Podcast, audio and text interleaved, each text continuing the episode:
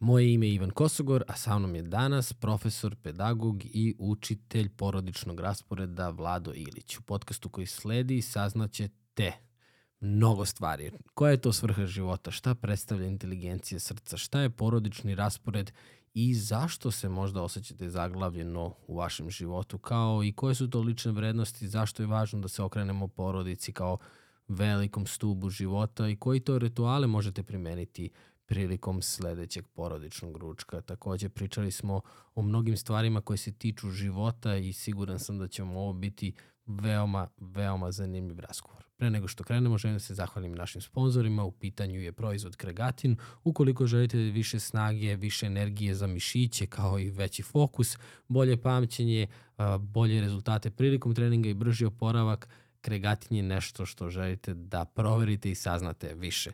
Uz kod Kosogor koji možete iskoristiti neograničen broj puta dobijate 10% popusta prilikom svake kupovine. Važno je samo da kliknete na link koji se nalazi u opisu. Naši drugi sponzori su pasta Marco Polo, moja omiljena testenina koja je ručno pravljena bez aditiva i veštačkih dodataka. Svake nedelje neki novi ukusi i novi oblici. Osetite ukus italijanskog restorana u svom domu. Link se nalazi u opisu uz kod Kosogor dobijete 10% popusta prilikom svake kupovine.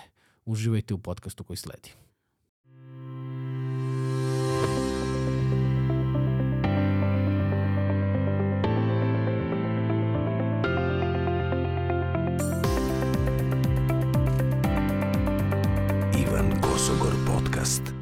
Vlado Ilić, dobrodošli u podcast uh, Lice bez maske, nova knjiga, izašla je pre koliko?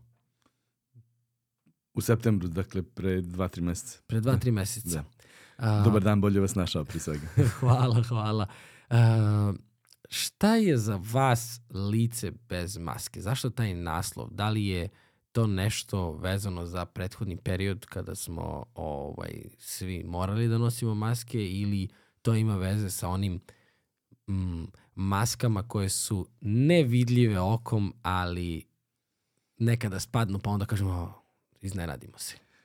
Pre svega ima veze upravo sa tim maskama, nevidljivim maskama, maskama koje nas navikavaju od najmlađih dana, nažalost ponekad i u porodici, a najčešće u različitim sistemima, u zabavištu, u školi, kasnije na fakultetu. Navikavaju nas da nosimo maske i da imamo benefite privremene, kratkotrajne, ali ipak benefite od toga. A nastala je kao inspiracija u vremenu kada su nam nametnuli nošenje maske.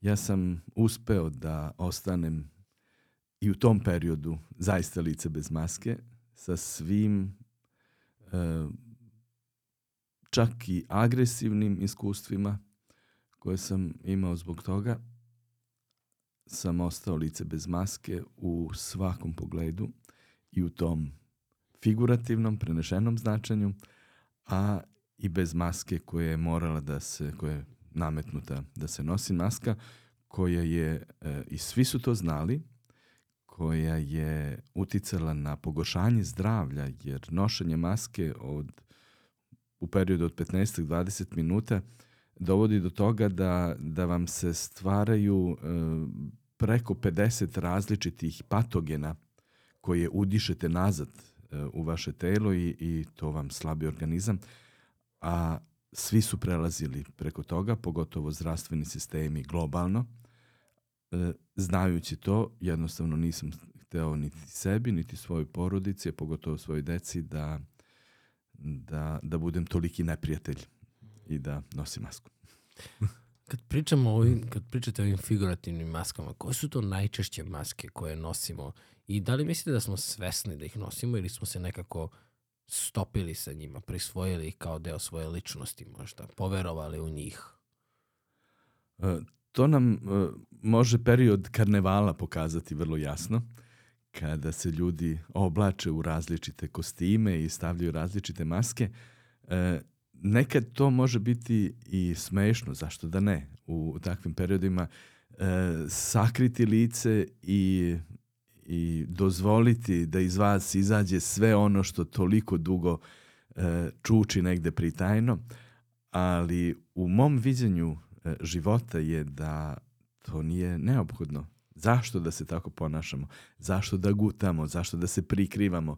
Mnogo je jednostavnije, mnogo je lepše živeti transparentno, iako nam to ne savjet, savjetuju, pogotovo u velikim kompanijama.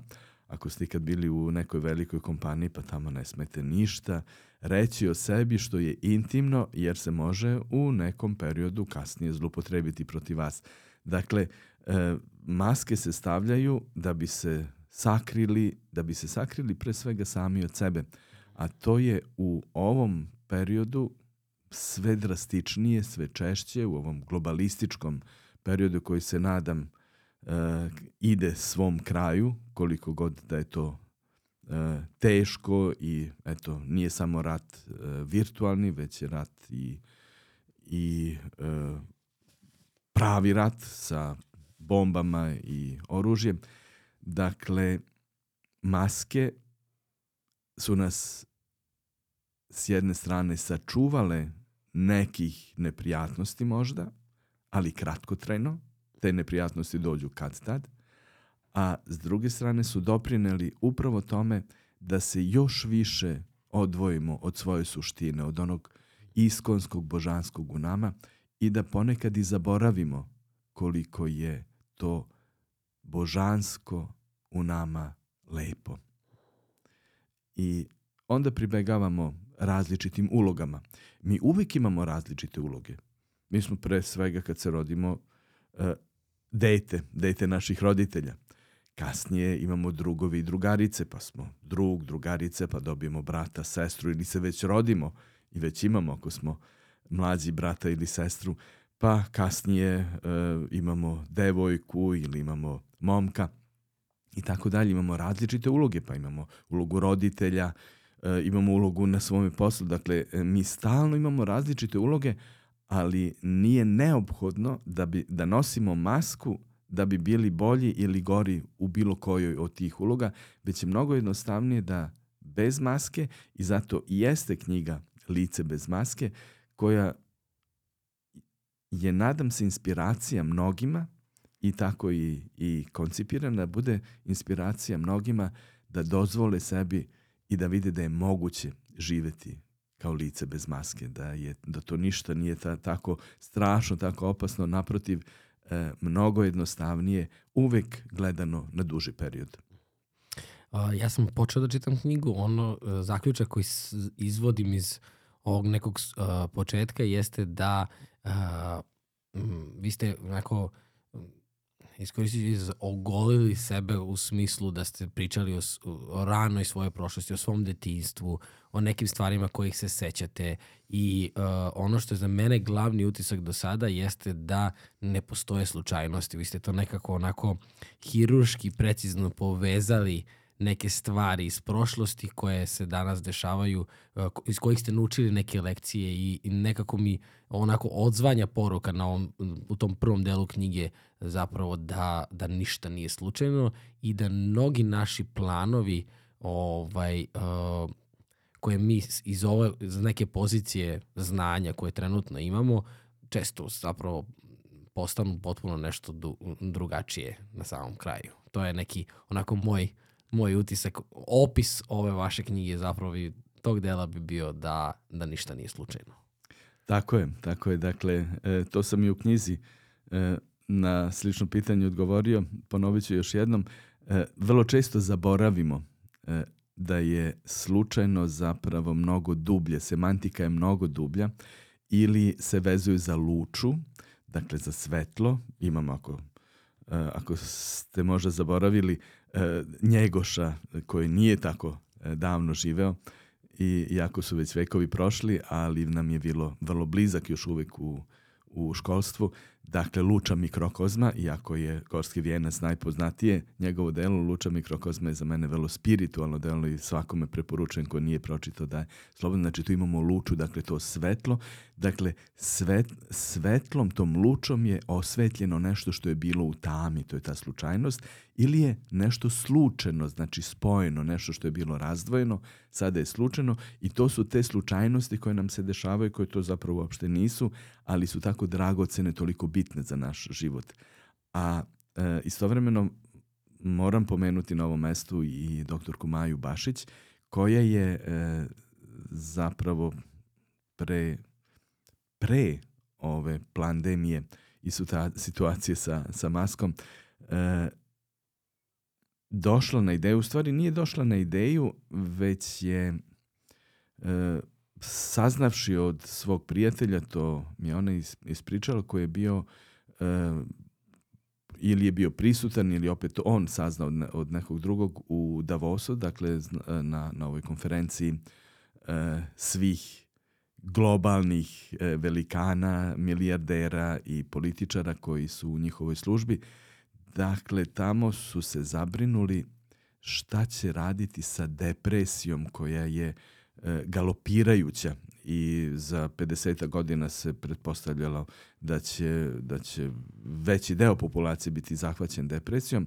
Ona je onda, pošto pogotovo kod nas zdravstveni sistem nije tako uređen nije uređen ni u, ni u većim zemljama, ni u bogatijim zemljama, poput Nemačke, na primjer, ili Amerike, a kamoli kod nas, da može da se nosi sa tom depresijom i šta pre svega poslodavci da rade. Ona se više bavila time šta da radi običan čovek, kako da dođe do pomoći kada bude sve zakrčeno. I onda je došla na ideju da, da pronađe koji su to e, druge, koje su to druge mogućnosti osim tradicionalne medicine koje mogu da nam pruže i onda je napravila sebi kriterijume, e, rekla da to mora biti neko ko je e, određenu metodu, metodu u ovom slučaju poredka ljubavi, porodičnog rasporeda, doneo na naše podneblje, e, da ima preko 30.000 e, svojih e, urađenih radova, seansi, preko 30.000 klijenata e, ili pacijenata, kako, kako je to nazvala, zaboravio sam, i e, da je nešto objavio na tu temu i da ima svoju školu. I tako sam ja e, kroz taj njen filter e, izašao u, u njenom e, tom istraživanju i još dve druge osobe i došla je do mene, pronašla me, ja inače ne živim u Srbiji, tako da smo se na njeno veliko iznenađenje, pošto nije tada znala da ne živim u Srbiji, e, našli prvi put na aerodromu, gde mi je to rekla, na aerodromu Nikola, Nikola Tesla u Beogradu, e, između dva leta. Tu je bilo malo, to je bio e, najbliži, najbrži mogući način da se nađemo i tu smo se dogovorili, dakle, ona je tada uh, htela da sazna, bila je već tada vrlo spremna, rekla da je pročitala uh, i pogledala sve što je ikad objavljeno o, o meni, e, zaista je bila dobro spremna, ali rekla je da li bih ja bio spreman da je odgovorim na sto pitanja koja mi do tada niko nije postavio? I ja sam kako i uvek ja sam transparentan, rekao kako da ne, zašto da ne, vrlo rado, slobodno, pitajte šta god želite. I onda je krenula pandemija, nismo više putovali, sve je bilo zatvoreno, zaključano i e, čak je i projekat e, došao, po, po, postao je upitan kako je, pa je bilo različitih, da, da li da korespondiramo pisanim putem, ja sam rekao da je za takav projekat, za tako nešto, najbitnije živa reč.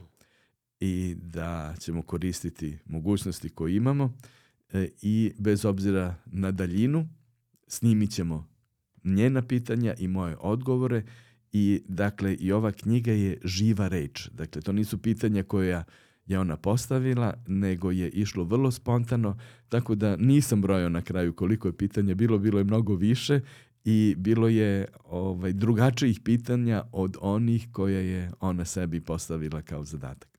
Znači, vi ste nju inspirisali svojim odgovorima da postavi neka drugačija pitanja. Tako je, dakle to nije biografija, niti autobiografija, to je deo mog života, uh, vezan za pitanja na koje sam odgovarao, ali ne zato da bi se ja hvalisao nekim svojim iskustvima, već upravo zato da bih uh, čitaoca inspirisao da prolazeći kroz uh, moja iskustva dođe do svojih iskustava i da na takav način dođe ponovo do sebe.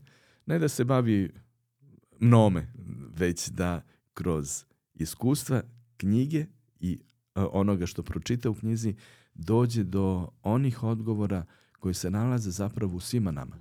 U svima nama postoje najbitniji odgovori iako ih vrlo često tražimo na drugim mestima, na hodočašćima, pa to i Paolo Coelho glavno, davno e, otkrio e, u, u njegovom, e, kako se zove?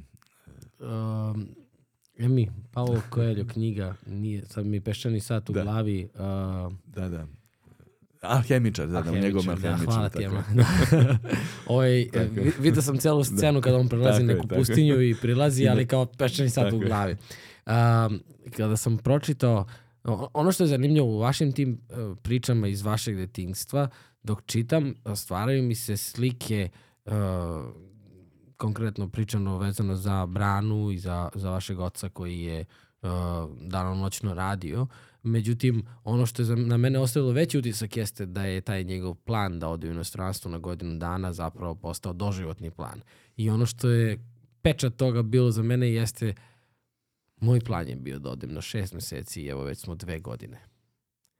I a, zaista kroz lakoću kojom je pisano, odnosno na koju ste odgovarali, je vrlo lako da se dok se čita zamišljaju slike, ali zapravo i pravi neka paralela sa sobom.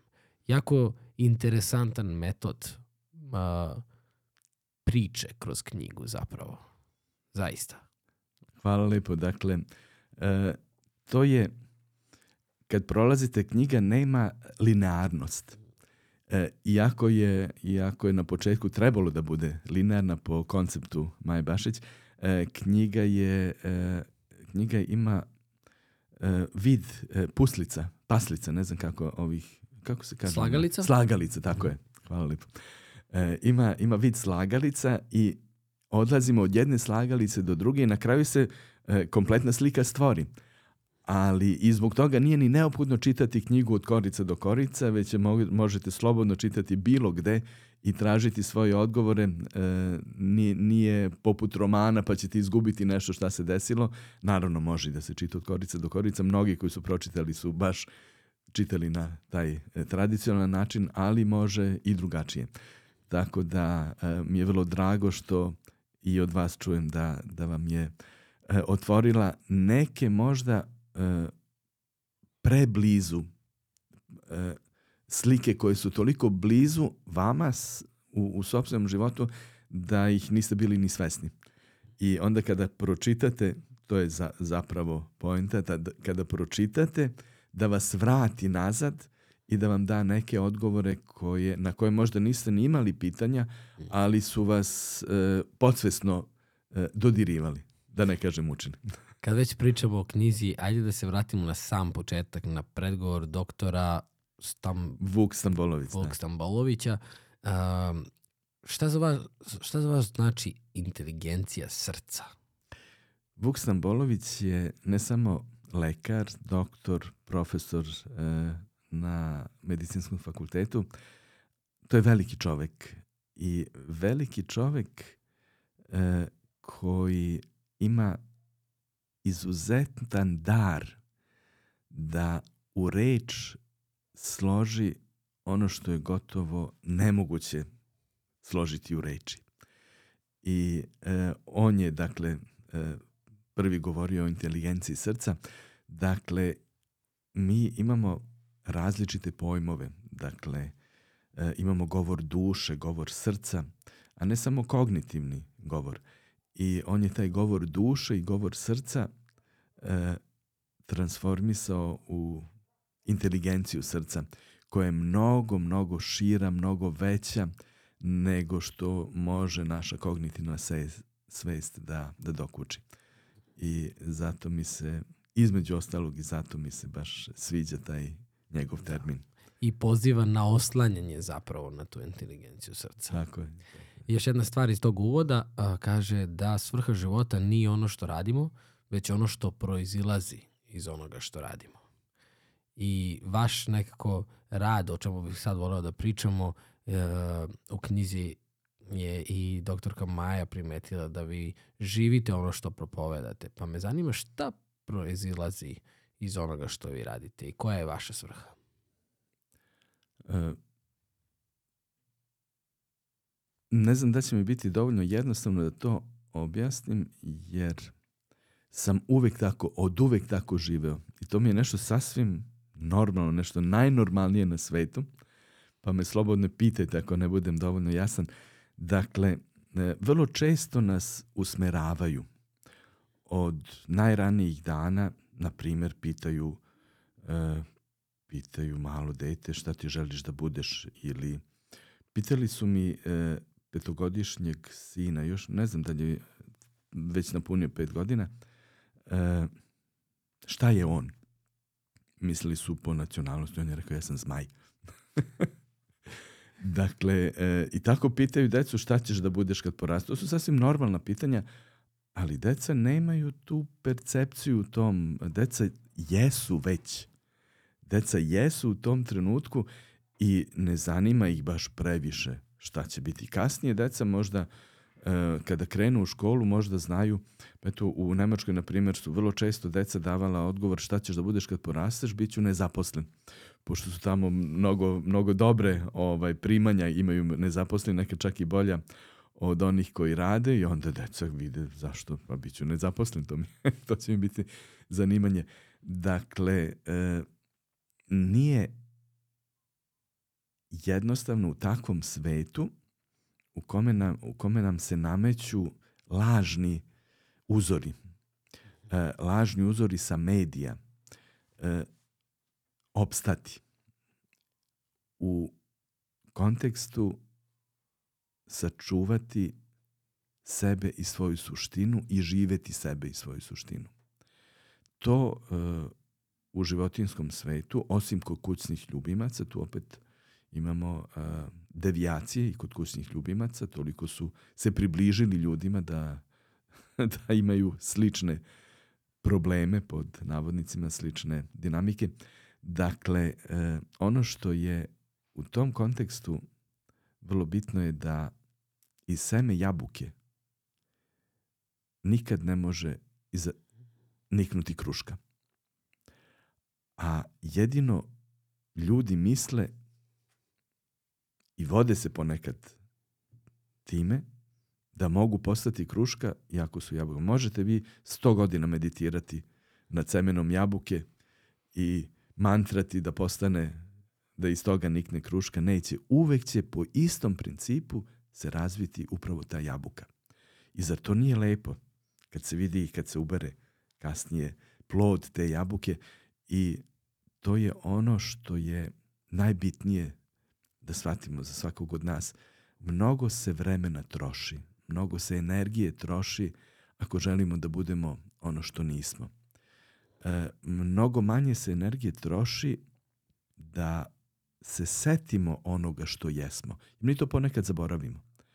I kada dozvolimo sebi, kada smo dovoljno otvoreni, opet inteligencijom srca, kada smo dovoljno otvoreni da se prisetimo onoga što jesmo, onda nam ne treba toliko energije da uložimo i truda, već sve ide nekako samo po sebi. Pa to je svako od nas iskusio u školskom sistemu. Dakle, postoji predmeti koji su, koji nismo morali ni da učimo, sve smo znali. Budemo malo pažljivi na času i vrlo brzo dobijemo dobru ocenu. A zašto je tako? Zato što je to već postojalo u nama. Neko od naših predaka je im bio možda dobar matematičar ili trgovac ili mi vrlo malo znamo o našim predcima. Dakle, u našoj genetskoj strukturi već imamo informaciju koja je tu i onda nam ide, ide lako matematika. A ne znamo zašto, ili neko je, neko dobro peva, neko dobro svira i tako. Dakle, imamo mnoge talente koje nosimo u nama, koji su tu, e, neki ne moraju biti direktno vezani za nekog pretka, možda je jednostavno kombinacija e, gena i meša, različita mešavina svega toga dovela da se to rodi u nama, ali to postoji u nama i samo to trebamo probuditi i onda jednostavno sve teče u životu.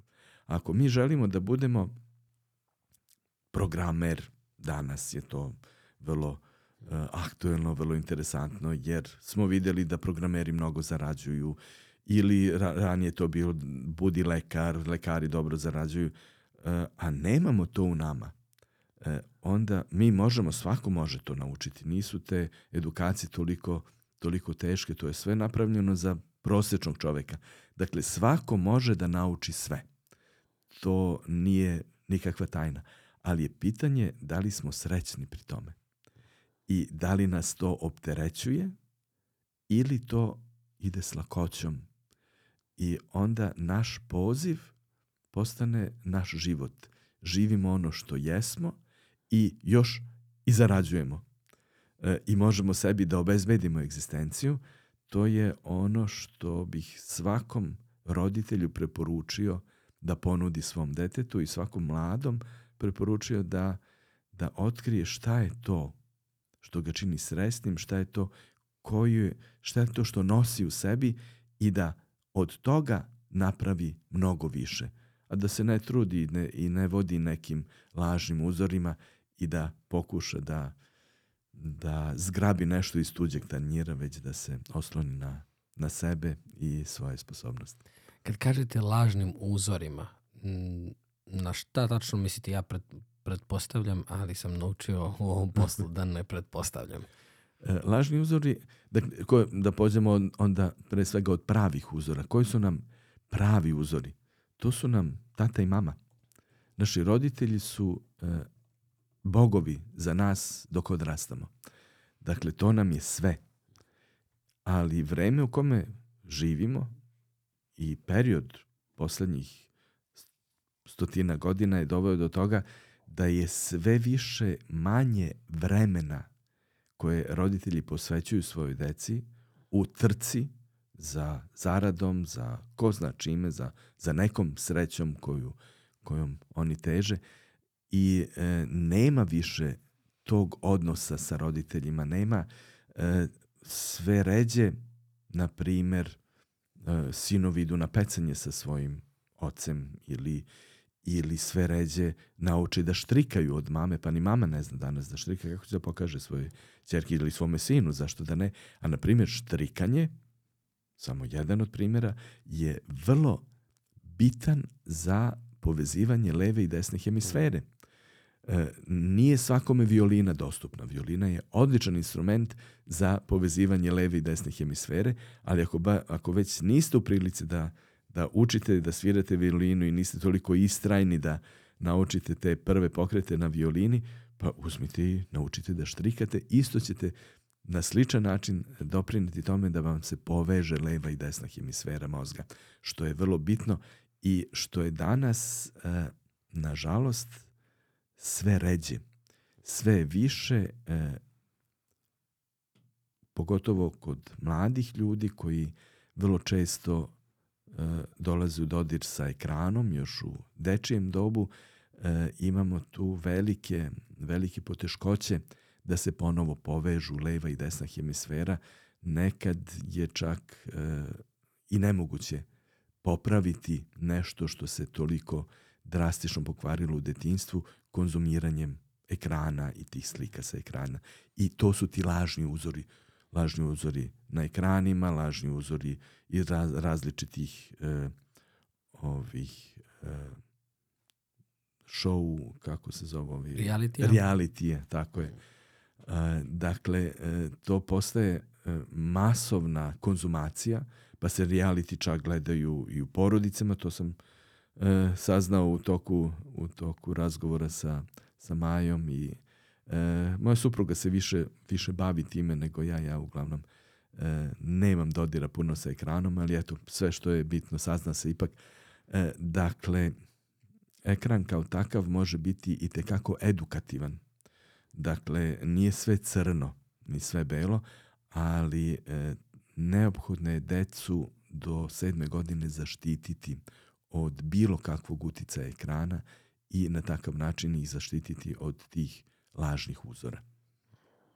Do sedme godine? Do sedme godine. Posle sedme godine mnogo jednostavnije, onda mogu deca da nauče i da koriste i da, uh, jer su im onda uh, stabilizovani uh, receptori u mozgu i uh, mnogo je jednostavnije. Dakle, nisam za zabranu, ali do sedme godine jako postoje stručnjaci koji to negiraju zato što se nalaze na, pli, na spisku kompanija koje to koji zarađuju na tome, ali e, preporuka je da, da, taj, da tu prvu, dakle znamo da se svakih sedam godina obnavlja, na primjer, e, obnavljaju naše ćelije i tako da, dalje, da. ali e, u tih prvih sedam godina dete toliko upija u sebe, a sa ekrana ne može upiti e, pravu sliku prave vrednosti, već upija samo delimične i iskvarene slike, iskvarene vrednosti, ne, ne u smislu da... E, ovde ne govorimo o sadržaju uopšte. E, ovde govorim samo o ekranu kao medijumu. E, sadržaj je posebna, posebna priča za sebe i ne bismo imali dovoljno vremena da kada bismo i o sadržajima pričali, e, sam uticaj e, ekrana za koji nismo stvoreni kao malo dete i, i svi ti hercovi koji zrače e, sa ekrana e, su zapravo jednaki s e, srčanom udaru e, koj, kojim su izložena ta e, mala stvorenja do sedme godine i ne mogu jednostavno da, da to obrade. I zbog toga je e, vrlo neodgovorno i opasno. Pa vidimo, e, imam sećanje kongresa jednog pre 20 godina, e, kongresa poredka ljubavi, zamislite, to nije kongres matematike ili, ili, ili medijskih ili računala ili bilo čeka, ne, već kongres poredka ljubavi e, na kome sam učestvovao i sad u pauzi za ručak za susednim stolom jedan od učesnika, dakle to je bilo relativno zatvorenog tipa, tako da je sigurno to bio jedan od učesnika, nije bilo drugih ljudi u tom hotelu. E, svoje dete koje je, ne verujem da je imalo više od godinu dana, e, je stavio pred laptop, dete gleda nešto na tom ekranu, neki crtani film, uopšte ne znam, nije ni bitan sadržaj, ali potpuno je pažnja okrenuta ka tom ekranu, dete je potpuno kao zombirano tata ga hrani, dete ne zna ni šta jede, ni koliko jede. Trpa onu hranu u sebe, koja to možda i nije, ne znam, ne, ne ulazim u, u, u vrednost te hrane koje je dete dobilo, ali mi je to bilo poražavajuće, znam mislite, pre 20 godina na takvom jednom mestu gde dolazimo da delimo inteligenciju srca, da da spiritualnost vežbamo, da se vežbamo u spiritualnosti, na takvom mestu nalazite na takvu jednu kontradiktornu sliku, sliku. Potpuno, potpuno razočaravajuće, ali to je deo našeg života i verovatno taj tata, bilo i majke, nisu samo očevi, dakle, e, ti roditelji e, nisu svesni u tom trenutku šta rade, a verovatno nisu ni spremni da da to čuju, da to vide, jer je mnogo jednostavnije. Pa ekran je najjeftinija babysitterka. Za, zašto se maltretirati? I kasnije kad dete krene u školu, pa krene dislekcija, pa krenu različiti poremećaji koji teško mogu da se isprave, onda je kukulele, onda nema dovoljno stručnjaka i tako dalje, ali umesto da kasnije vodimo ponovo dete kod stručnjaka i koristimo vreme počeli smo s vremenom koji posvećujemo roditeljima. Nije samo to da roditelji trče za novcem, već, već moraju voditi dete ne samo na sportske aktivnosti, nego ih voditi kod različitih terapeuta. Već, već u tim uh, 7, 8, 9 godina kreće to, jer, jer uh, poremeće nastaju ranije, ali se ne otkriju. Već se otkriju tek kad dete krene u školu, kad, kad, uh, kad se vidi da, da ne može da prati nastavu i tako dalje I onda se ide od jednog terapeuta do drugog, satima se odlazi u čekaonicu i tako dalje, pa zar nije bolje preventivno e, igrati se sa detetom umesto davati detetu ekran, a kasnije raditi nešto produktivno s detetom i nastaviti biti taj pravi uzor mama, tata, s puno ljubavi, jer to je ono što roditelji mogu uvek priuštiti svome detetu, a to je ta bezuslovna ljubav koju roditelji hteli ne ili ne imaju prema svome detetu. I onda je samo neophodno da to pruže svome detetu, da dete bude sigurno u tu ljubav. To je, dakle, ono najbitnije. Mislim da je Duško Radović rekao da, da su neki roditelji uh, sad ću parafrazirati, ali da, su, da nisu ništa osim para ostavili svoje deci, odnosno pružili svoje deci. Uh, da, sad ste spomenuli da nekada roditelji trče za nekom svojom srećom ili da bi obezbedili neku egzistenciju. Uh, i to je neminovno danas evo, i, i, i kod nas polako postoje normalnost da se ima dva posla. Uh, prosto uh, ta neka egzistencija je sve dalje i dalje i mora mnogo više da se trudi da se radi da bi, da bi se došlo do tih nekih osnovnih stvari pa onda mi živimo u kompleksnom društvu u smislu da uh, se trendovi prate međusobno. Naprimjer, ako sada kažete ne znam da vaše dete ima najgore patike, pa vi ćete sve uraditi da vaše dete ima i ole dobre patike da bi se uklopilo u svom društvu i tako da je. Ovo sad samo metafora i primjer. Uh, prvo, prvo pitanje bi bilo šta je sreća, to mi pišete u knjizi, ja ću se svakako uvek vraćati na, na knjigu jer mi je to trenutno jako sveže. Uh, I drugo pitanje je da li već ta trka postoji, hteli mi ili ne, odnosno ta jurnjava za srećom ili za novcem. Šta mislite kad čemu treba prvo krenuti i težiti i kako? E, ne bih puno o sreći, da ostavimo nešto i čitaocima da, da pročitaju, ali je to ono u najkraćim crtama čemu svi težimo. Svi želimo da budemo srećni i želimo i srećan put i srećnu novu godinu i srećan rođendan i tako dalje. Dakle, sreća je e, jedina koja je sama sebi svrha. Bilo šta drugo kad postane samo sebi svrha, gubi svoju svrhu, jedino je sreća ta koja je sama sebi svrha. I e, težnja ka sreći je nešto sasvim prirodno, sasvim ljudski, ali je pitanje da li e, zaista mislimo da je sreća tamo gde je tražimo. Nekad je sreća tu na doma kruke, nekad i jesmo zapravo e, i ne znamo koliko smo srećni. Zamislite nekog ko je zdrav, pa njemu je sasvim normalno da je zdrav. Nekom koji je bolestan je najveća sreća da bude ponovo zdrav. Dakle, sve su to relativni pojmovi zaša i, i, ali sam više o tome napisao u knjizi, zato ne bih sada toliko, ali, ali što se tiče jurnjave, tu su različite dinamike. Na primjer, kad neko mora da ima dva posla. Pričao sam o, o, o tome koliko je bitno da dozvolimo sebi da živimo svoju suštinu i da kroz življenje svoje suštine, transparentno življenje svoje suštine još i zaradimo i obezvedimo sebi egzistenciju. To je s jedne strane opet sreća, jer smo sebi dozvolili da, da budemo to što jesmo i da to što jesmo e, cveta i raste, razvija se u nama. Ponekad je neophodna i edukacija za to. Toliko smo se odvojili od sebe i svoje suštine da nam je potrebna edukacija, da to ponovo spoznamo, da se prisetimo, tu je škola života, na primjer, i zato da dozvolimo sebi da naučimo kako da ponovo budemo srećni sami sa sobom pre svega, a s druge strane postoji druge dinamike kada neko, na primjer, mora da ima dva ili tri posla. To je jedna od osnovnih, pardon,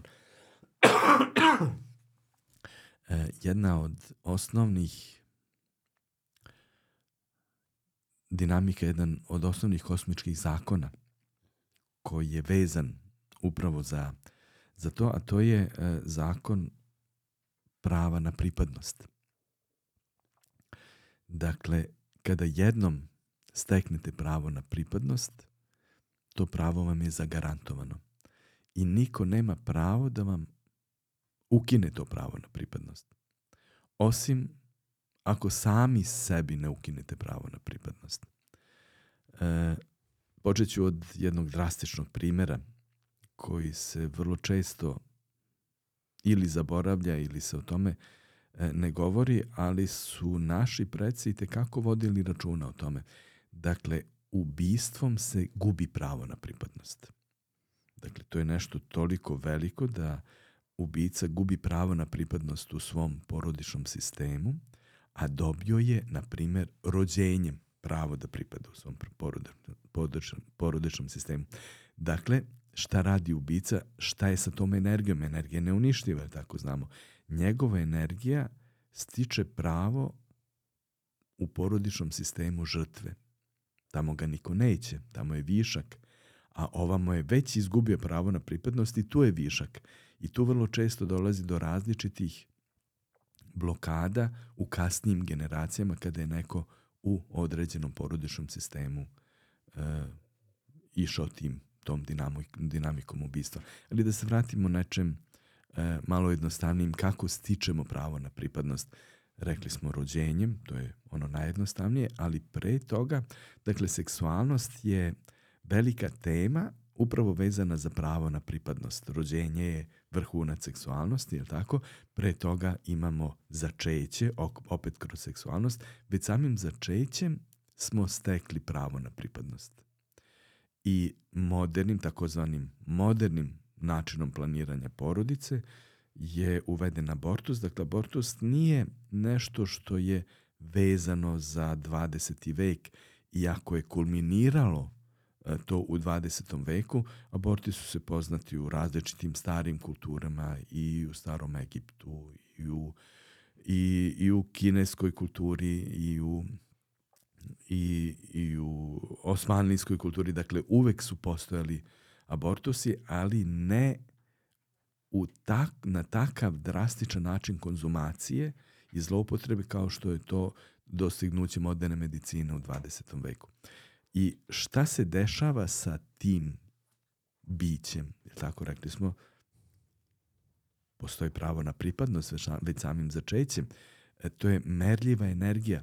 Znamo, naučili smo prvim, na prvim časovima fizike da je energija neuništiva, da samo menja oblike, pretvara se iz jednog, transformiše se iz jednog oblika u drugi, a vrlo često zaboravimo da je abortusom samo mehanički oduzeto, oduzeta mogućnost, ali ta energija nije uništena. Ona je ostala tu. I ona ostaje u tom sistemu, u tom porodičnom sistemu, e, bez obzira što se to možda desilo u nekoj predbračnoj vezi, u nekom mladalačkom dobu, pa je bio abortus, to dete ostaje i dalje kod svoje mame ostaje u sistemu svoje mame. Pa može da se desi da se u kasnijim partnerstvima rodi dete koje osjeća mene niko ne voli.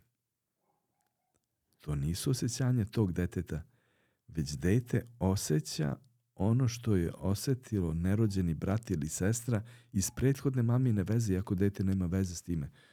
Nikad nije upoznano, ali tu radi inteligencija srca.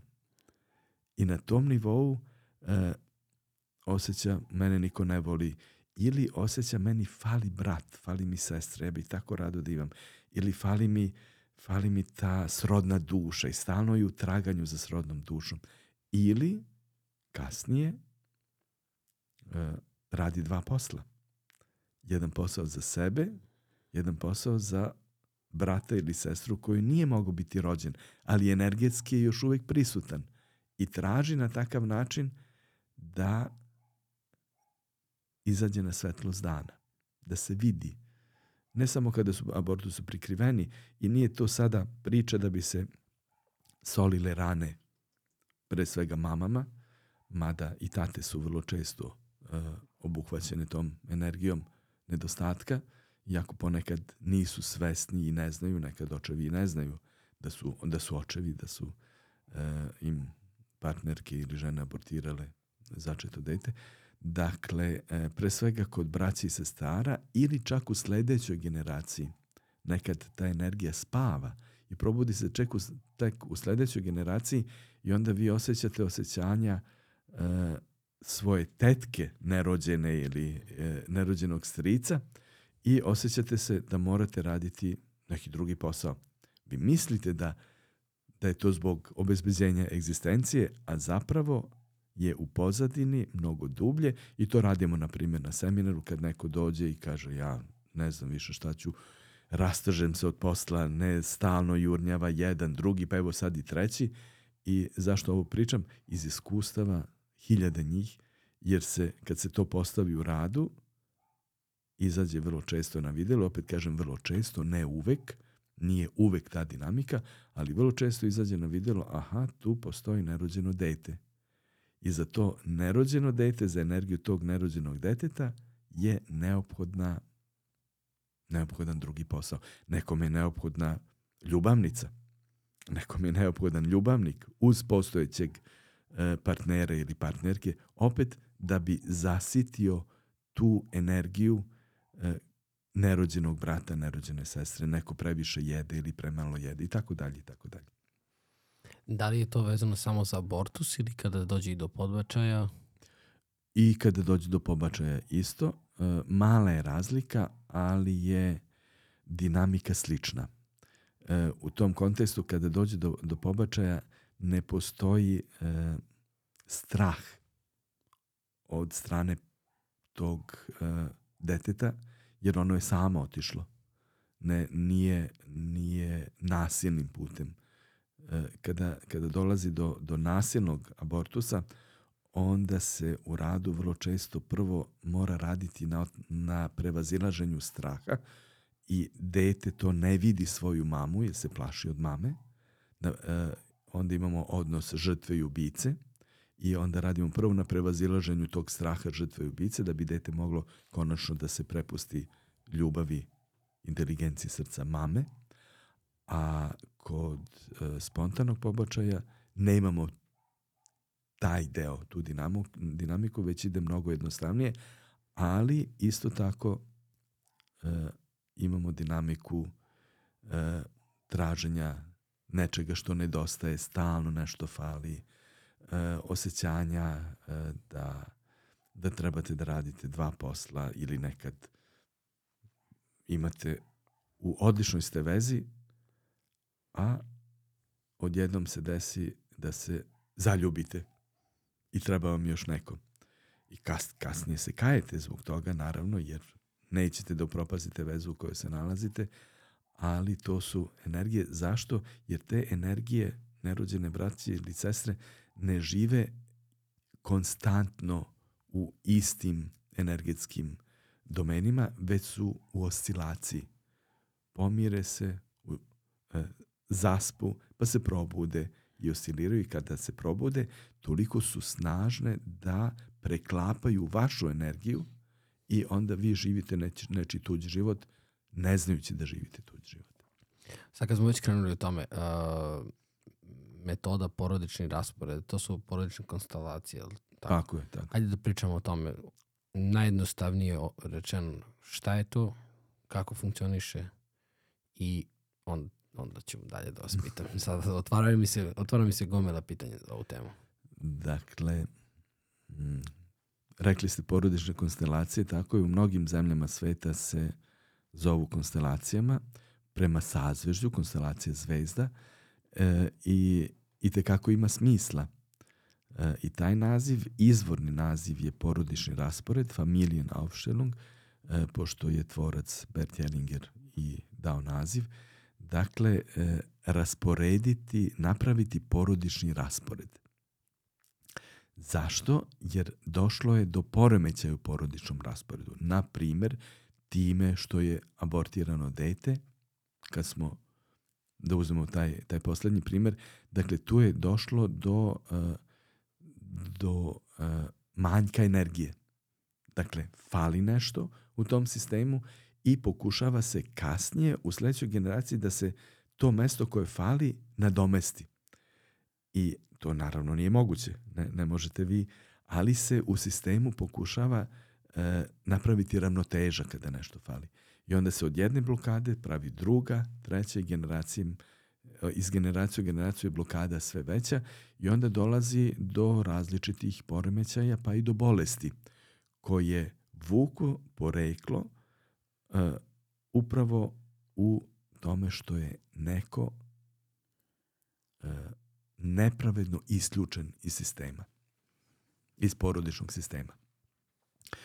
E, takva, takve oblike imamo i u drugim sistemima, ali nam je najjednostavnije da to vidimo u okviru jednog porodičnog, porodičnog sistema.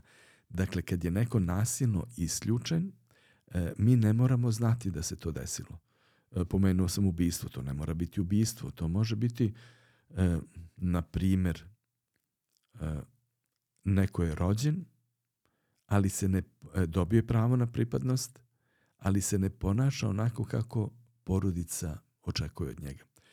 E, ne znam da li ste išli nekada na Crnogorsko primorje, postoji mesto jedno koje se zove Skoči devojka. E, sad, zašto se to mesto zove Skoči devojka? To jest, crnogorski čini se Skoči djevojka. E, nisam siguran da li je D ili Đ, ali se sećam prvi put kad sam video tablu Skoči devojka, dakle, to je stena zapravo jedna, koja je mnogim devojkama služila da sebi okončaju život. Jer su bile e, obećane, zaljubljene u jedno, u jednog muškarca, obećane nekom drugom i nisu htele da, da idu tim putem koje je za njih njihova porodica odredila, već su dobrovoljne, dobrovoljne skakale sa te stene u smrt. Dakle, e, nekad se na takav način okonča, to nikad nije okončano. Uvijek postoje posljedice u kasnim generacijama, ali za nju jeste okončano. Dakle, u tom kontekstu, kada se neko ne ponaša kako porodica očekuje od njega, dolazi do izopštenja, na primjer, od nasljedstva. Neko se izopštio od nasljedstva, ne, ne, ne, e, ne bi li se privolio da se ipak počne ponašati kako porodica očekuje od njega. E, jedan, jedan od primjera je, na primjer, dobro, da, danas je došlo vreme e, da je mnogo mnogo jednostavnije biti homoseksualac nego što je to bilo ranije, ali e, mislim da je to samo na površini. U dubini još uvek postoji tradicija E, koja, e, koja u mnogim porodicama ne može tako lako da se prevaziđe kako nam trendovi to nameću. Dakle, e, i nekad se o homoseksualcima čutalo ili su se oni jednostavno izopštavali, bila je bruka za porodicu tako i tako dalje, ili u bilo kom kontekstu kad se neko drugačije ponaša. Znači, pokušaj da se takva osoba izopši iz sistema ostavlja drastične posledice za potomstvo. E, I to ne mora da se vidi već u sledećoj generaciji, to može da spava nekoliko generacija i odjednom se neko e, osjeća da nije voljen ili mora da ode u drugu zemlju, da, da napusti sve što ima, da, da napusti porodicu. Dakle, ide putem nekog o kome ništa ne zna, a ponavlja njegovu sudbinu. E, to možemo da vidimo, dakle, ako je to nečiji put i neko želi da ide na putovanje i tako dalje, to ga ne opterećuje, to ne postavljamo naravno, to je svačija mogućnost i volja da, ali ako nekoga to opterećuje i pita se zašto stalno mora da napušta, taman je stvorio uh, određenu E, određeno ime određenoj kompaniji, na primjer, ili u, u određenom e, okruženju i odjednom mu dođe, mora ponovo da napusti, mora da ide dalje, da napusti sve to. E, I ako ga to opterećuje, onda to možemo da postavimo i onda vidimo vrlo često da se radi o blokadi koja se generacijama genetski prenosi. Dakle, to je taj porodični raspored, da, da se mi ne, e, ne tragamo za simptomima, simptomi su tu, ali simptomi su nam prijatelji. Dakle, simptom uzimamo kao energetskog prijatelja koji nam pomaže da uz pomoć predstavnika, kada radimo, e, dođemo do uzroka zašto je neko dobio određenu bolest, čak i do takozvanih neizlečivih bolesti, kancera i tako dalje. Dakle, nema toga što ne može da se pogleda i da se vidi šta je uzrok. Nekad je uzrok kletva, neko je proklet i tako dalje.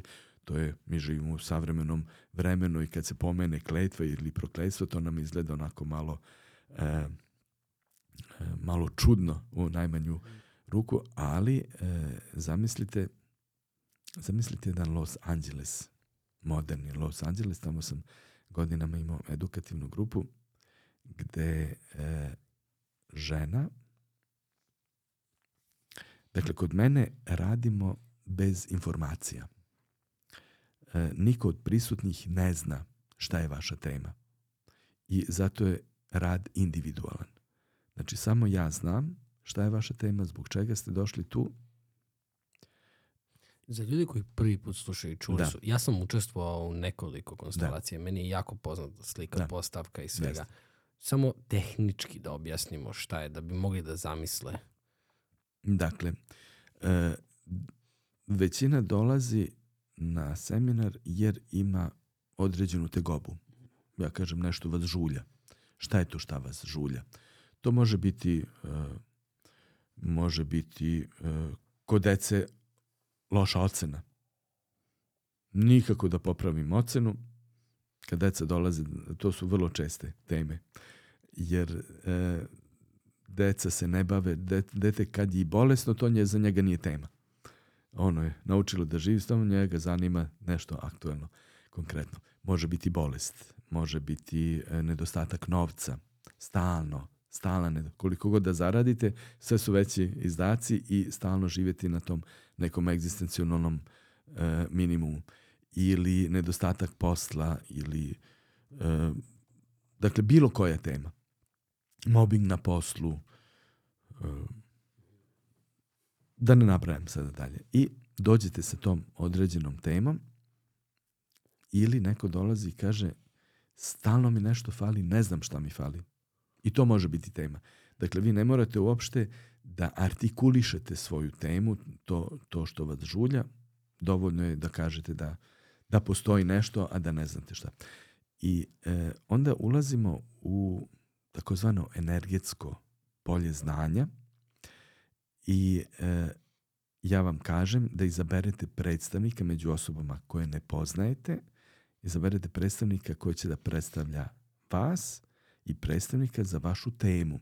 Ja ne volim da to zovem problemom, šta god bila vaša tema. To može biti od neke e, loše ocene do teške takozvane neizlečive bolesti.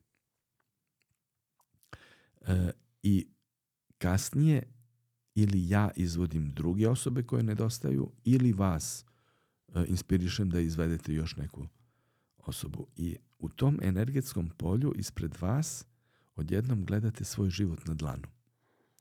Sve je tu, sve se ponavlja, predstavnici se ponašaju, čak izgovaraju ponekad i rečenice i reči koje e, osobe koje predstavljaju, znači tata se ponaša kao što se inače ponaša otac ili mama ili sestra ili bilo ko, deda, baba i izgovara čak odjednom istu rečenicu i to vam e, jasno ukazuje da se tu, jer niko ne zna šta je vaša tema, niko ne zna vašu priču, a ponašaju se upravo adekvatno onako kako se ponaša vaš, vaše okruženje, vaš sistem i e, na osnovu njihovog govora tela meni daju e, vrlo bitne informacije e, šta nedostaje, koga trebam da uvedem, koliko generacija možemo ići unazad.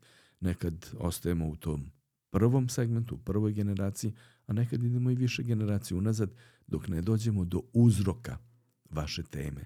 Dakle, simptom kao prijatelj nas dovozi do uzroka i kad dođemo do uzroka, opet energetski, tu doprinosimo transformaciji. Dolazi do transformacije i ponekad već na tom jednom seminaru možete doživjeti katarzu i ono što vas je godinama mučilo može doći, može se transformisati. Nekad je neophodno više seminara, nekad se otvori druga tema e, koja je još starija i tako dalje. Dakle, tu nema pravila individualnog, ali se vrlo efikasno mogu može doći do rešenja i do transformacije e, svega onoga što vas žulja.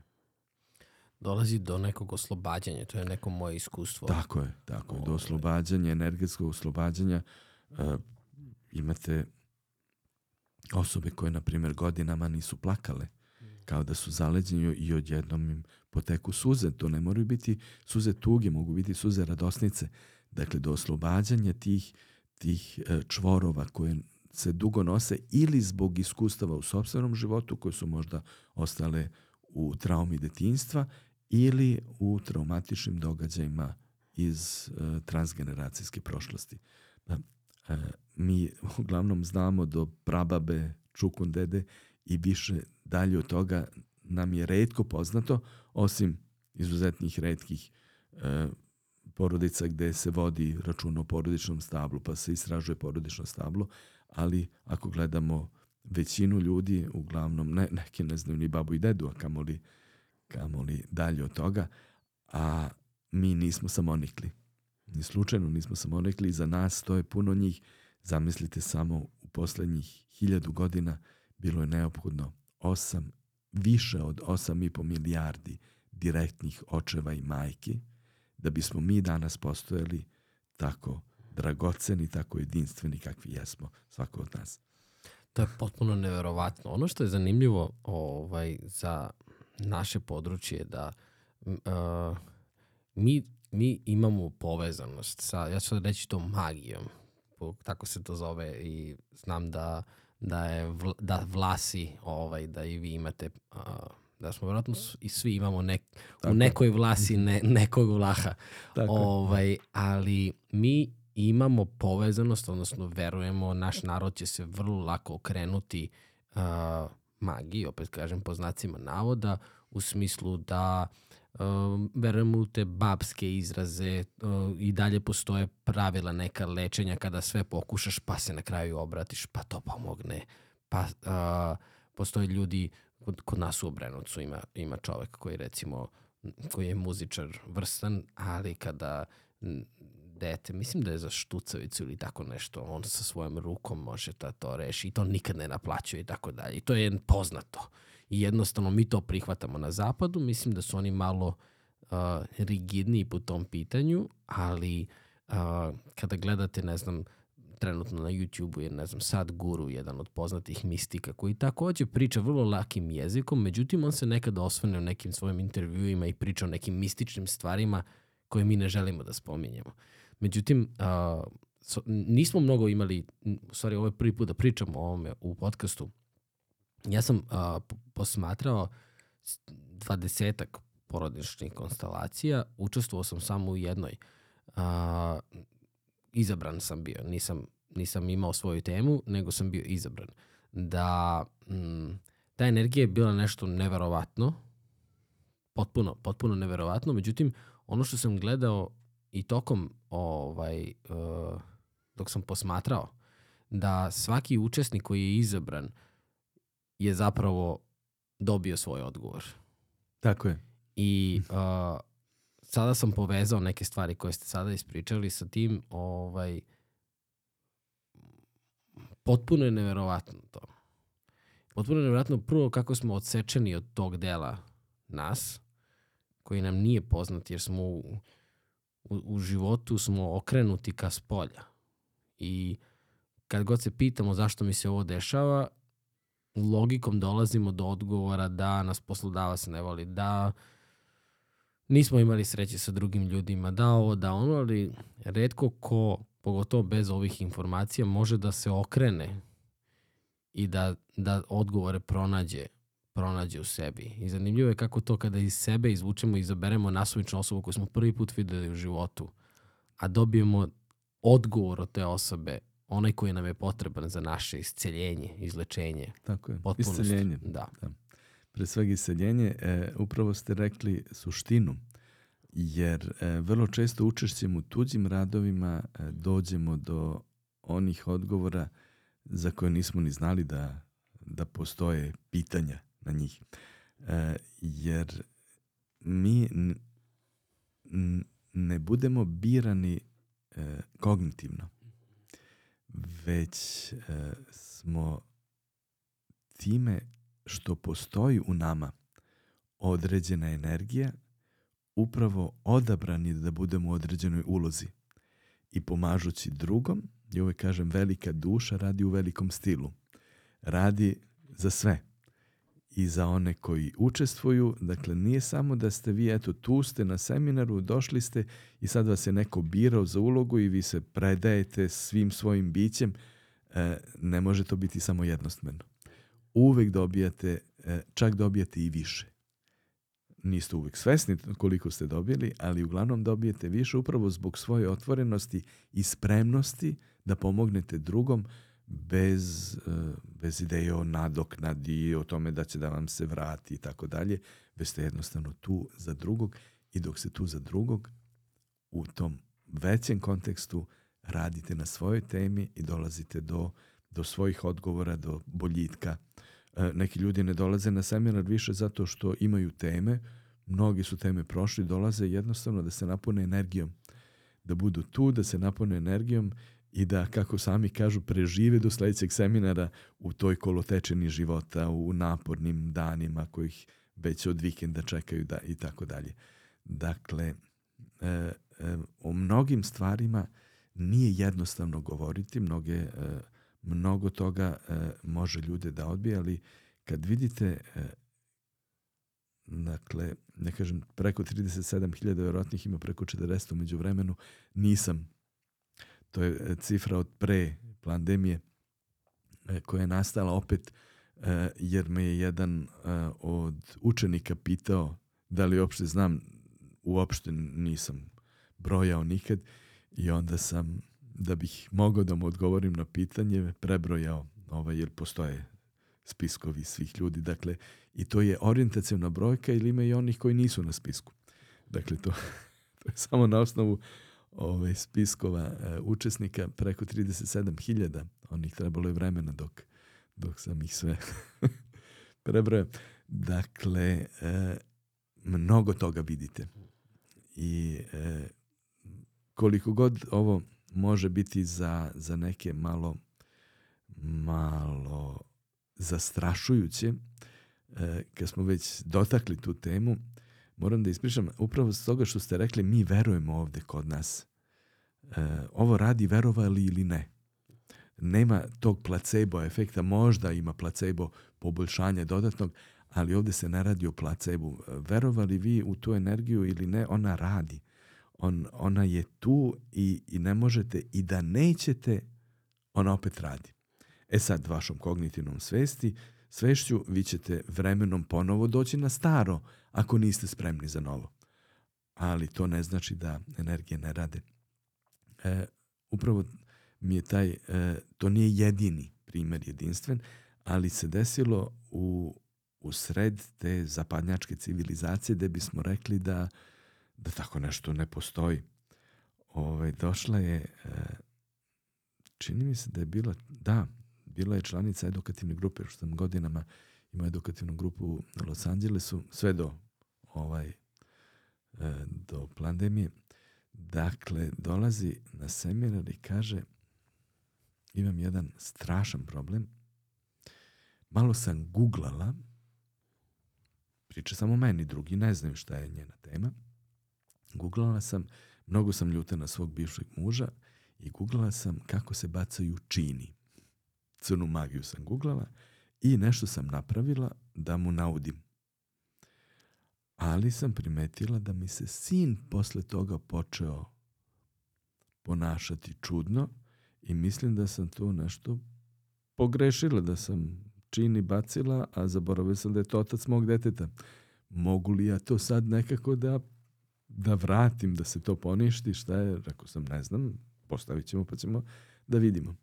I ne bih sada da opisujem taj rad, mnogo bismo otišli u dubinu, ali ono što mi je karakteristično u tom radu, niko, kao i u drugim radovima, niko ne zna šta se dešava, predstavnica za kletvu koju je ona bacila, e, je u jednom trenutku počela da kašlje, ležala na podu, bilo je vrlo teško, počela da kašlje i počelo je perje da izlazi iz njenih usta. E, dakle, u sred zapadnjačke kulture to nije jedinstveno, ali baš na tom mestu svi su bili zgranuti. To je bile, na, bili su iskusni, bili su ljudi koji su prvi put došli tu i ona sama nije mogla da, da veruje šta je, što je se dešava, zašto.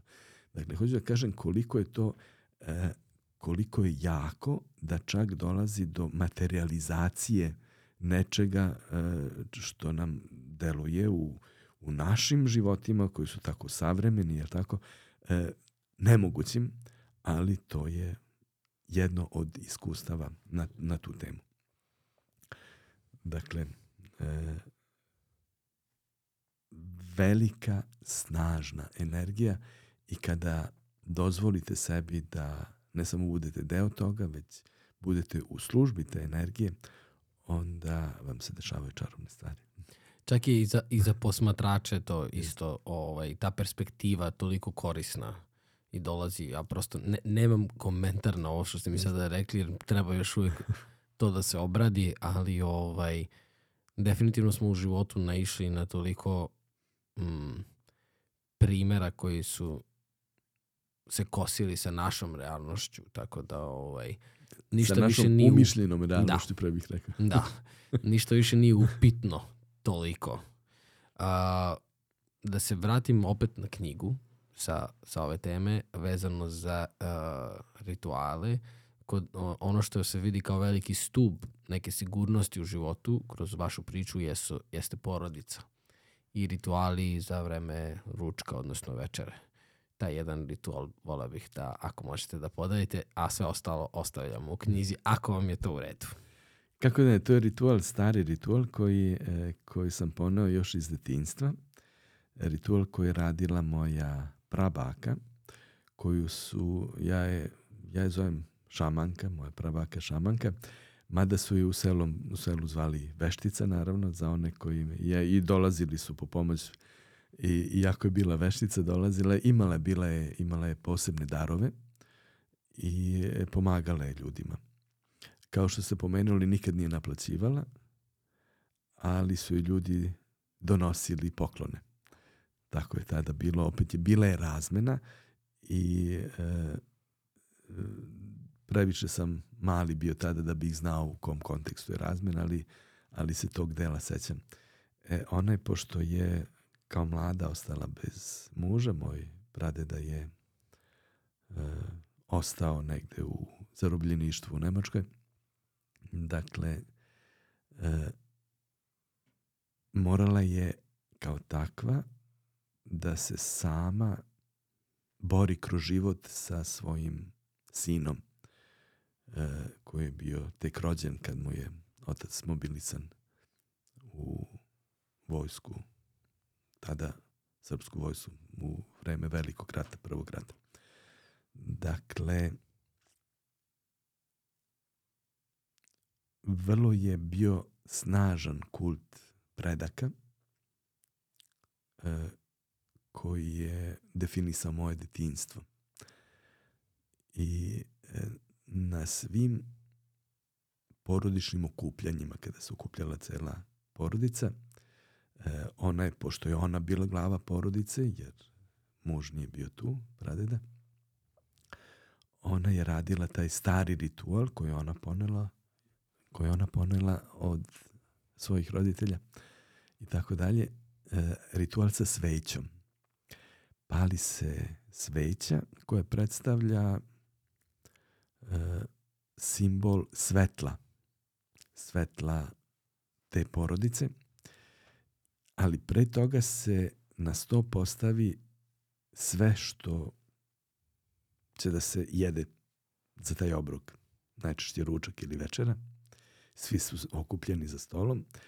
I meni su tada u detinstvu uh, ti rituali bili mnogo dosadni, dugo su trajali, jer morali smo da ćutimo pre svega, da slušamo, da gledamo i toliko je ukusno, evo sad kad se setim idu mi, ovaj, ide mi voda na usta, dakle toliko je bilo sve ukusno na stolu, moram da napravim jednu ovaj, jednu parentezu, vezano za, za današnje slavlje, koliko je to izgubilo smisla.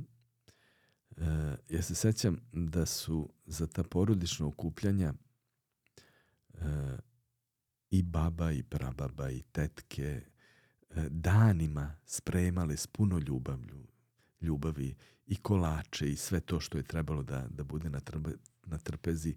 E, to, je, to su bile domaće guske koje su se e, namenski za, upravo za, za taj ili ćurke ili šta god e, nekad jagnje, prase u zavisnosti od veličine slavlja i, i okupljanja porodice e, pre svega spremali za to. I svi ti rituali vezani i koliko god nam je re, teško reći klanje jeste pa zakolje se prase ili, ili jagnje i tako dalje nije to e, a danas mi jedemo meso, ali ne volimo da se to zakolje. Dakle, e, neophodno je svako ko, ko jede meso da makar jednom u životu sam e, zakolje to, tu životinju koju će posle toga da pojede i možda ne bi možda na takav način bi se jednostavnije smanjila e, konzumacija, tolika konzumacija mesa i tolika zloupotreba e, tog tržišta mesa i tako dalje, ali opet to je druga tema. Dakle, e, hoću da kažem e, koliko je ljubavi bilo u tome, ko, koliko, a, koliko su svi učestvovali u pripremi i na kraju to završi na stolu.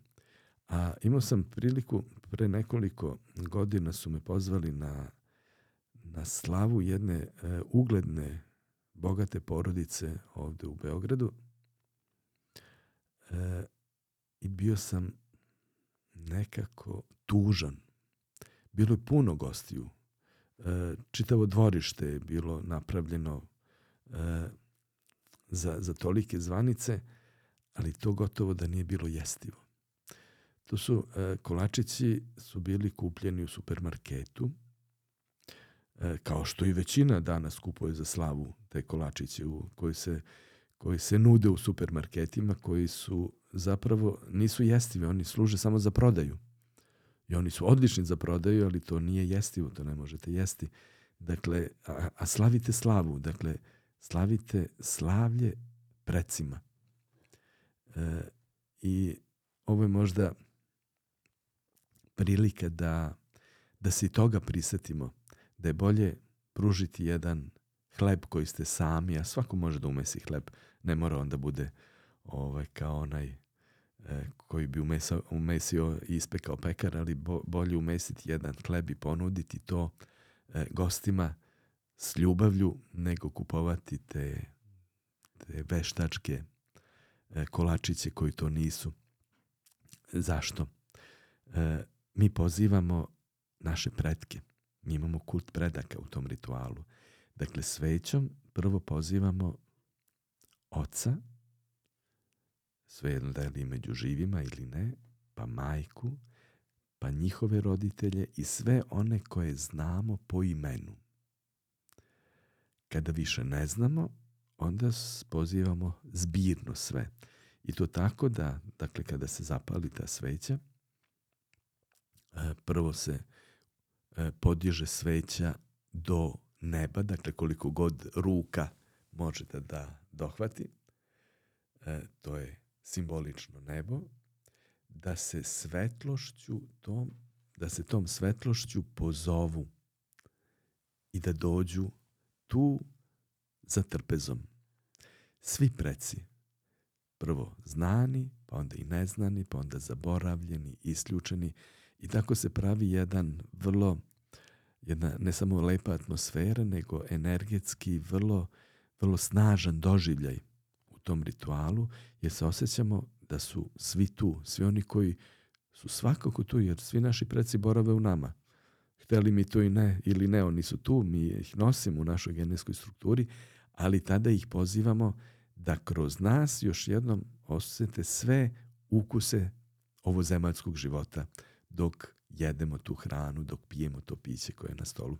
To je jedan od rituala koji radimo na svakom seminaru, jer na seminaru ne razmenjujemo samo spiritualnu energiju, već razmenjujemo duhovnu energiju, već razmenjujemo i fizičku, dakle tu hranu imamo zajednički ručak na kome svi koji učestvuju na seminaru mogu da vide kako zaista izgleda taj ritual i da ga kasnije primene na svojim svečanostima, na svojim slavljima i zbog toga ga ponavljamo dva puta i u subotu i u nedelju kako bi koliko toliko ostalo negde da može da se primeni dalje. A ti seminari su deo škole života? Tako je. Šta je škola života? Ajde da, da uputimo ljude u to.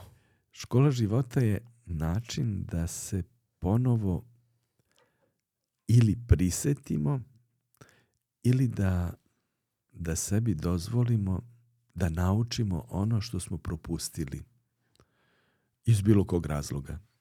Da se setimo svojih, uh, svojih uh, svih zakona, kosmičkih zakona koji su vrlo bitni i za koje možda nismo ni znali, niti smo imali prilike da ih naučimo i da dozvolimo da naš život uh, živimo po principu kosmičkih zakona koji nam dozvoljavaju da nam bude mnogo bolje u životu. To je u najkraćim crtama škola života. Zašto škola života? Jer to su zakonitosti koje su tu, hteli mi to ili ne, koje vladaju nad nama, hteli mi to ili ne, poštovanje tih zakona dozvoljava nam jedan prosperitetan, jedan lagodan život, e, srećan život, njihovo zanemarivanje nam pravi blokade. I zbog toga je škola života tu da nas podsjeti da se pridržavamo tih e, vrlo jednostavnih kosmičkih zakonitosti i da na takav način dozvolimo sebi da ono što imamo, što nam je najdragocenije, a to je život koji imamo ovde i sada, da taj život živimo na najbolji način, na energetski najjednostavniji način da dozvolimo da ta energija radi u nama i da i da i dalje e, da nam bude sve bolje. Koje sve vrste, uh, ja sam imao priliku malo da pogledam ovaj, uh, ovu knjižicu koju ste mi doneli, koje sve vrste uh, seminara postoje?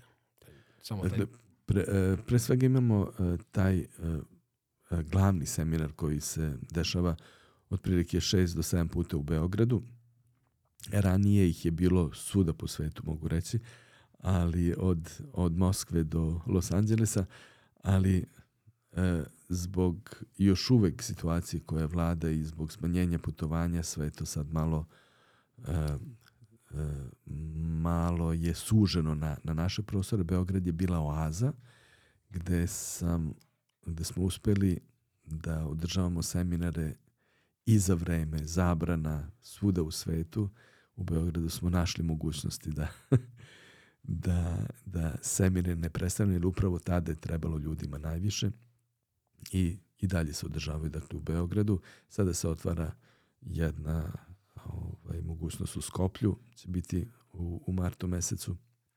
Vidjet ćemo koliko interesovanje je veliko, ali za sada su, seminari su međunarodnog karaktera, dolaze ljudi, znači pre pre e, pandemije, zadnji seminar koji je bio u Beogradu u decembru, sećam se, bilo je e, ljudi iz 28 zemalja u Beogradu.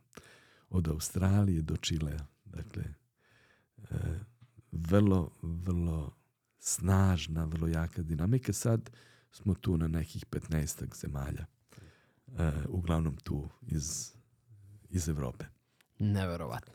Ljudi gde mogu da vas pronađu? Postoji sajt, postoji društvena mreže? E, e, postoji da Vlado ili na, najjednostavnije Vlado ili preko društvenih mreža, preko Instagrama, preko preko uh, Facebooka, preko web stranice i uh, umeđu vremenu u zadnjih uh, tri godine smo, iako nisam hteo nikad da radim online, to mi je bilo uvek mi je bilo mnogo uh, dakle porodični raspored nisam mogao da zamislim kako može online da se radi iako su upiti bili uh, i tada na vrlo visokom nivou ali situacija u kojoj se nalazio u kojoj se na, našao svet u poslednjih tri godine me dovela do do toga da uh, da sam uradim konstelaciju da vidim da li uopšte jer su ljudi tražili zaista me bila potrebna pomoć, tako da umeđu vremenu postoji edukacija e,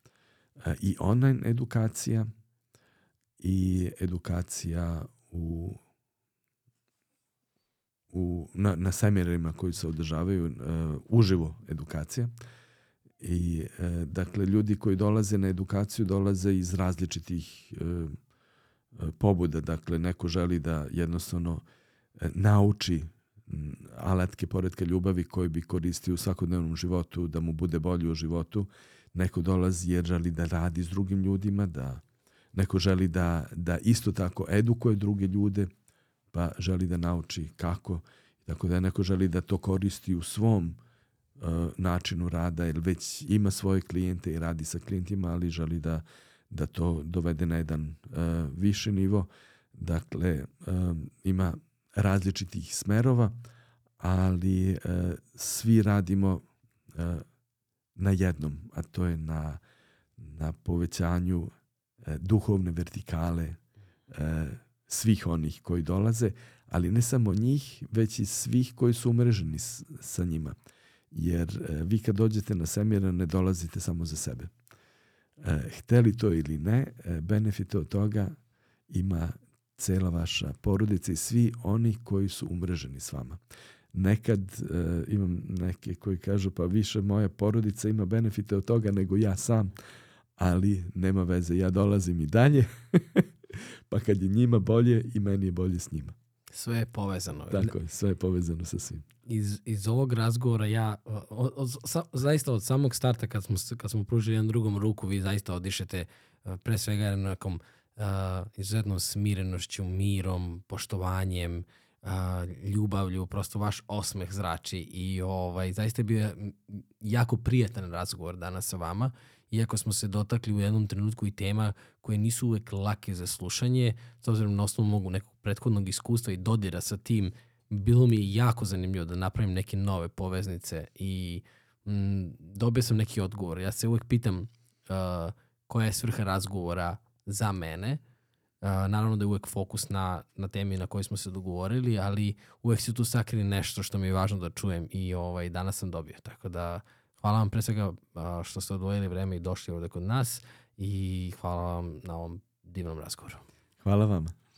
Hvala svima vama koji ste slušali i gledali ovaj podcast. Najbolji način da nas podržite jeste da se prijavite na ovaj YouTube kanal. Drugi najbolji način jeste uh, da nas podržite putem PayPal, jednokratnih donacija i Patreona. Hvala svima koji to radno činite. I treći najbolji način jeste da uh, iskoristite kod Kosogor i dobijete 10% popusta kod naših sponzora. Pogledajte u opisu. A mi se vidimo sledeći put.